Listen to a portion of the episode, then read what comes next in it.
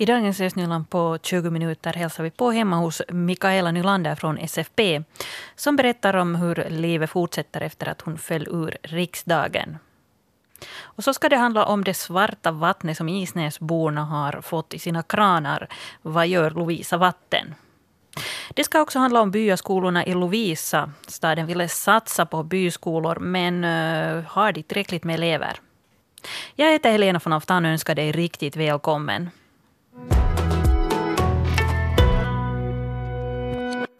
Nylanders bana i riksdagen började år 2003 men i år tog det slut. Hon blev inte invald i riksdagen. Vår reporter Rebecka Svedberg är hemma hos Mikaela Nylander. Det stämmer, vi sitter här i, i Nylanders soffa här i deras vardagsrum och de har en huisigt fin utsikt här när man blickar ut så, så ser man där till och med ända fram till, till Gammelbacka att hon bor här i, i Tarkis så uppe här på Majbergsbacken så man ser långt, långt eh, riktigt fint och här inne så är det mycket färger och mycket tavlor på väggarna så det är riktigt så här hemtrevlig miljö nu som vi befinner oss idag. Mikaela, du, det är ungefär fyra månader sedan det var val och, och och livet har säkert förändrats en, en hel del sedan dess. Hur har det nu varit efter, efter valet?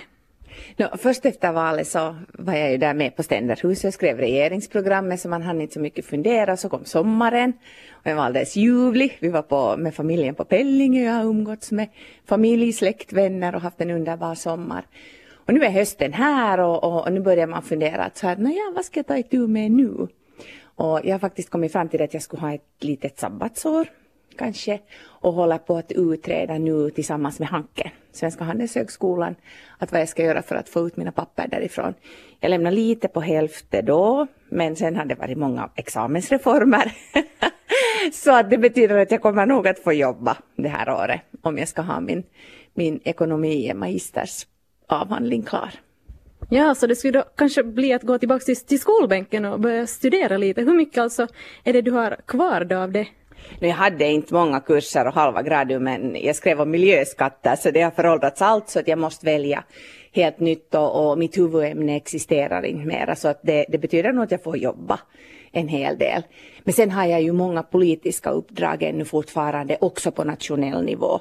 Så det betyder att jag kommer att kombinera borgopolitik med nationella uppdrag och sen då med förhoppningsvis studierna. Att vi, vi utreder just nu att är det möjligt att, att göra det på ett år. Mm, jag tycker ju att det är extra spännande här med studien. Jag själv också studerar. Hur, hur, hur kommer det sig att ni nu vill ta upp det på nytt? No, det var egentligen i juni som jag började fundera att, att, att tänk om jag skulle göra något helt annorlunda i år. Att eftersom jag har jobbat på nationell nivå med politik i, i nästan 20 år, först då varit assistent åt Astrid Thors när hon var Eh, Europaparlamentariker, sen var jag ministermedarbetare i flera år och sen 16 år i riksdagen och, och då tänkte jag liksom att att om jag ska göra det här så ska jag göra det nu. Och så ser man sen nästa höst liksom vad, vilken typ av uppdrag som eventuellt kan bli aktuella då. Mm. Så är det mer då bara för att få den klar eller har du redan också några planer för, för nästa år sen vad du ska göra med din magisterexamen sen om det blir aktuellt att få den färdig? No, jag har nog inga planer men jag tänkte liksom att jag vill, jag vill göra det nu. Det kändes liksom som ett momentum att nu ska jag göra det för att annars knappast blir det. För att sen vill jag ju tillbaka i arbetslivet antingen inom politiken eller sen någonting annat. Att jag utesluter ingenting för tillfället. Nej, livet har ju säkert förändrats en, en hel del. Hur, hur, svårt eller lätt har det varit att skapa nya rutiner i, i vardagen? Det har nog varit lätt i och med att jag är en sån här människa som eh, är positiv för det första och i politiken så måste man vara beredd på att sånt här kan hända. Det är bara på det sättet, politiken är på det sättet lite annorlunda arbetsplats. Så att, eh, och jag är ganska formbar, så att jag, jag liksom har hittat mina rutiner och, och det här nya livet nu för tillfället. Men sen helt nytt liv är det ju inte frågan om för jag har nog många uppdrag kvar fortfarande att fast riksdagen är, är borta så har jag många uppdrag ännu som riksdagsgruppen ville att jag skulle fortsätta med som är kopplade till riksdagen. Så att nu har jag en hel del ändå politiska uppdrag där i, i Helsingforsregionen. Ja, no, men hur ser då en, en vanlig dag ut i Mikaela Nylanders liv? Ja, nu har det ju varit förstås hemskt mycket det här att vi har flyttat tillbaka till stan, vi har bott hela sommaren på Pellinge så att packa upp och städa och röja i trädgården och, och, och sånt här. Och, och sen har vi haft Grönas ministergrupp här så jag träffar dem. Och, så jag antar att det blir, om jag nu ser framåt lite hur hösten blir, så blir det en blandning förhoppningsvis av studier och sen av olika politiska uppdrag. Och sen har jag familj förstås, mina barn behöver mig fortfarande och det är mycket att skjutsa logistik och de spelar alla, alla tre söner spelar handboll så att det är hemskt mycket att vara på veckosluten på matcher och turneringar och, och sen träningarna och så vidare. Och sen hemmet och, och, kanske jag får lite tid, mera tid för min man också. det tycker han säkert om, men blir det då alltså mera, mera fritid? Vad tycker du om att, att göra när du är ledig? Jag, jag antar att det blir lite mera fritid för att det har nog varit liksom jätteansträngt tidtabell hela tiden under de här senaste åtminstone 18-19 åren. Men jag tycker mycket om att gå, jag tycker om att stavgå och så hoppas jag att kunna hinna läsa lite böcker, litteratur för att det enda jag har läst under de här senaste åren är olika utredningar och propositioner och betänkanden och, och sånt så det har varit mycket liksom sån här eh, förvaltningstext och politiska eh, texter. Så jag hoppas att det blir lite tid nu för skönlitteratur och att igen kunna göra det. Jag har läst mycket som ung, jättemycket som barn och som ung. Så jag hoppas kunna göra det åtminstone. Och sen vännerna. Jag har redan bestämt mig att jag ska gå på lunch med mina väninnor och sånt som jag inte har kunnat göra liksom under, under de här senaste 20 åren och så vidare. Så att jo, jag ser fram emot ett annorlunda år, men ett spännande och härligt år. Ja, jag vet inte hur kranvattnet ser ut och smakar eh, hemma hos dig, men åtminstone en del hushåll i Isnäs har faktiskt eh, tidvis under nästan två år lång period haft svart kranvatten. Vi har en kort videosnutt på vår webbplats också, man ser hur det ser, här, ser ut. Att Uh, om man har vattnet i flaska så är det först lite bara fällningar på botten, men när man blandar om så ser det riktigt ut som man skulle ha satt bläck i det där vattnet. Uh, det ser inte alls gott ut. Orsaken till det här är metallen mangan som förs till hemmen längs en gammal linje. Och igår gjorde man ett första försök att spola bort metallen från vattenledningen. Uh, Dennis Björklund är VVS-granskare på Lovisa vatten. Vi spolar linjen över viken här. Den är en kilometer lång, 160 meters rör. Den ligger i en svacka och nu tror vi att den här agnanen har blivit svackan att ligga för den stiger upp till byn sen hit och där och det är mycket högre här i byn här. Provet spola och vi har byggt en matta där, vit matta som vi ser vad det kommer ut från vattenposten.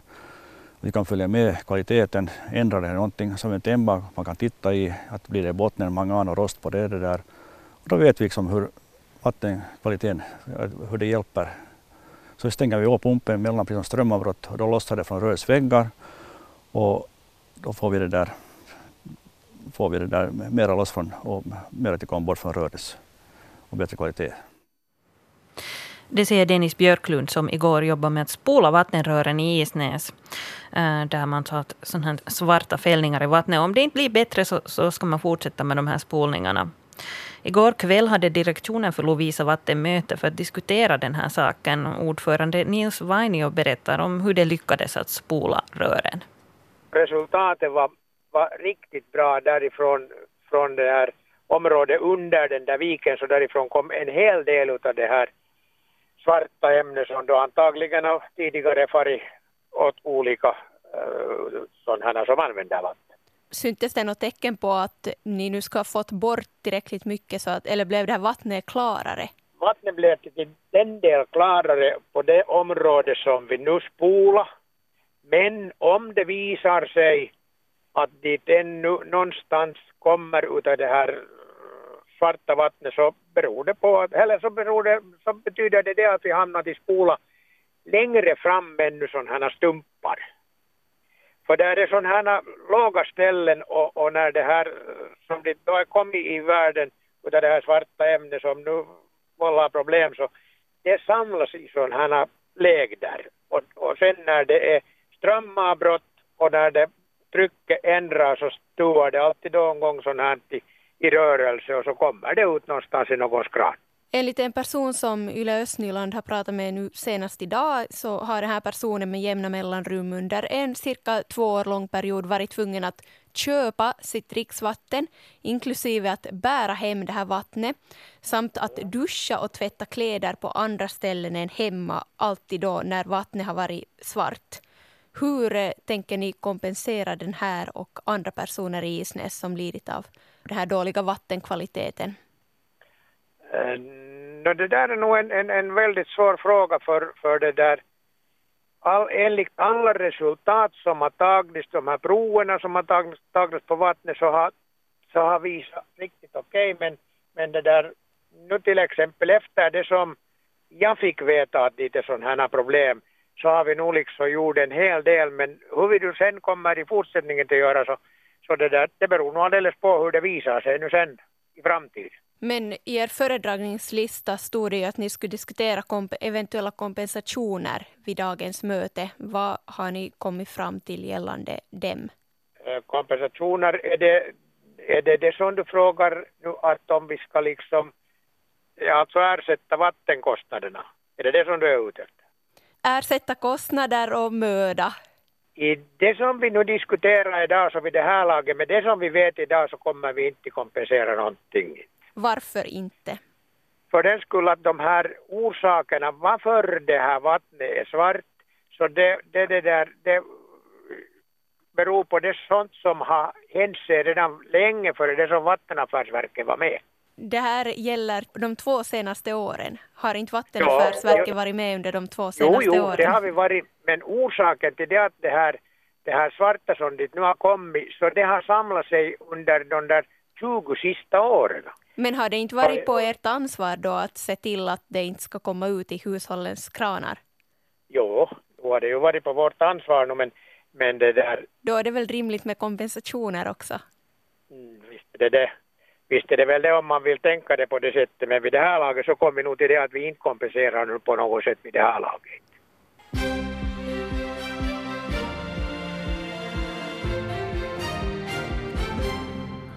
Klockan är halv tio, nu nyheterna från regionen Östnyland med Stefan Härus. God förmiddag. Vid Nesse tandklinik i Borgå har konstaterats ett fall av smittsam lungtuberkulos. Den smittade hör till personalen på tandkliniken. Alla tandklinikens kunder som kan ha utsatts kartläggs som bäst. De klienter som utsatts kommer att få information om hur undersökningarna ska arrangeras. Personalen som har utsatts för sjukdomen har redan kartlagts och fått information på ett separat informationsmöte. Det blir svårt att hitta en köpare för studentbostäderna på Styrmansvägen i Borgo. Bolaget som ägde husen har satts i konkurs och nu auktioneras byggnaderna ut. Hittills har ingen nappat på budet. En av orsakerna kan vara att detaljplanen enbart tillåter studentbostäder på tomten. Enligt konkursboets förvaltare skulle det finnas intresse för att få bygga vanliga bostäder. Utgångspriset i auktionen är 350 000 euro. Igår spolade Affärsverket Lovisa Vatten vattenledningen i Isnäs. Affärsverkets direktion diskuterade situationen vid sitt möte igår och beslöt att inte åtminstone tills vidare utföra fler spolningar förutom om det visar sig att problemet kvarstår. Spolningen gjordes eftersom hushållsvattnet blir svart och bildar fällningar i hushållens kärl. Och detta på grund av att det lösgörs mangan i den kommunala vattenledningen. Affärsverket kommer inte att kompensera de hushåll i Isnäs som har drabbats av det manganhaltiga hushållsvattnet. Borgostads avgiftsfria digihandledning för äldre har varit populär. Nästan 600 besök har hittills statistikförts sedan starten i februari 2018. Handledningen kommer att fortsätta den här hösten på huvudbiblioteket, Gammelbacka bibliotek och Äppelbackens servicehus. På servicehuset hålls också föreläsningar om digitala frågor. För tre år sedan beslutade Lovisa stad att bevara byskolorna för tio år framåt. Och det talades om att marknadsföra byskolorna för att locka barnfamiljer till staden. Men barnfamiljerna verkar ändå inte riktigt ha hittat till Lovisa och skolnätet måste ses över i höst. Vår reporter Mira Bäck åkte till Kyrkoby skola, en av dem som i värsta fall kan stå på fallrepet. Eh, Lotta Juslin, du är rektor både för Generalshagens skola som är en av de större skolorna i Lovisa och för en av Lovisas mindre skolor, Kyrkobyskola, där vi är just nu. Och ni förbereder er som bäst här för onsdagens skolstart. Och på onsdagen så kommer 35 nya förstaklassare att inleda sin skola i Generalshagens skola. Men det är bara fem nya ettor som kommer hit till Kyrkoby. Och enligt prognoser som finns så kommer antalet skolbarn i Lovisa att minska under de kommande åren. Hur ser du på byskolornas framtid? No, de har ju lovat att vi ska ha våra byskolor kvar. Så att, att vi gör vårt bästa från skolpersonalens sida och, och håller kvar våra skolor och ger en god undervisning. No, enligt stadsstyrelsens ordförande Mia Heinsbruck Wirén, så måste politikerna i höst då i samband med budgeten börja se över antalet byskolor. Och de skolorna som hon särskilt nämner för att de är ganska små är då Teutjärvi skola, Haddamskola och Kyrkoby skola. När du hör det här, blir du, blir du orolig? No, egentligen blir jag ju inte orolig. Jag vet att barnen får en bra undervisning var de än är. Men jag vet att föräldrarna blir oroliga. Enligt Heinz Firén så är det en nackdel med småskolor att det kan vara svårt att, att hitta personal. Har du märkt av något sånt här i Kyrkobyskolan? Nej, inte i år. Nu är det här ju mitt första år här som rektor i Kyrkobyskolan. men vi hade en tjänstledig och vi fick en behörig lärare. Så att, att i år råkar vi ha ett sånt år. Men att visst, vi vet att det är svårt att rekrytera lärare till mindre skolor men det kan nog vara svårt överlag att rekrytera lärare på finlandssvenskt håll. Enligt Lovisas strategi så är det här byarnas stad och man satsar på landsbygden. Hur ser du på det med tanke på att man nu då kanske måste se över skolnätet? No, om man behöver stänga skolor för att klara av en budget så, så det har sina för och nackdelar. Att, att det är som jag sa tidigare, att jag vet att undervisningen blir bra var än barnen är. Tycker du att staden i, i linje med sin strategi att de har satsat på byskolorna? Visst gör de det. De satsar på undervisning. Vi har väldigt goda resurser, både i de här små skolorna eller mindre skolorna och i större skolor. Finns det något som man skulle kunna göra, kanske då från stadens håll, eh, för att locka flera familjer och, och, och unga med barn då, att flytta ut hit till byarna och, och fylla byskolorna?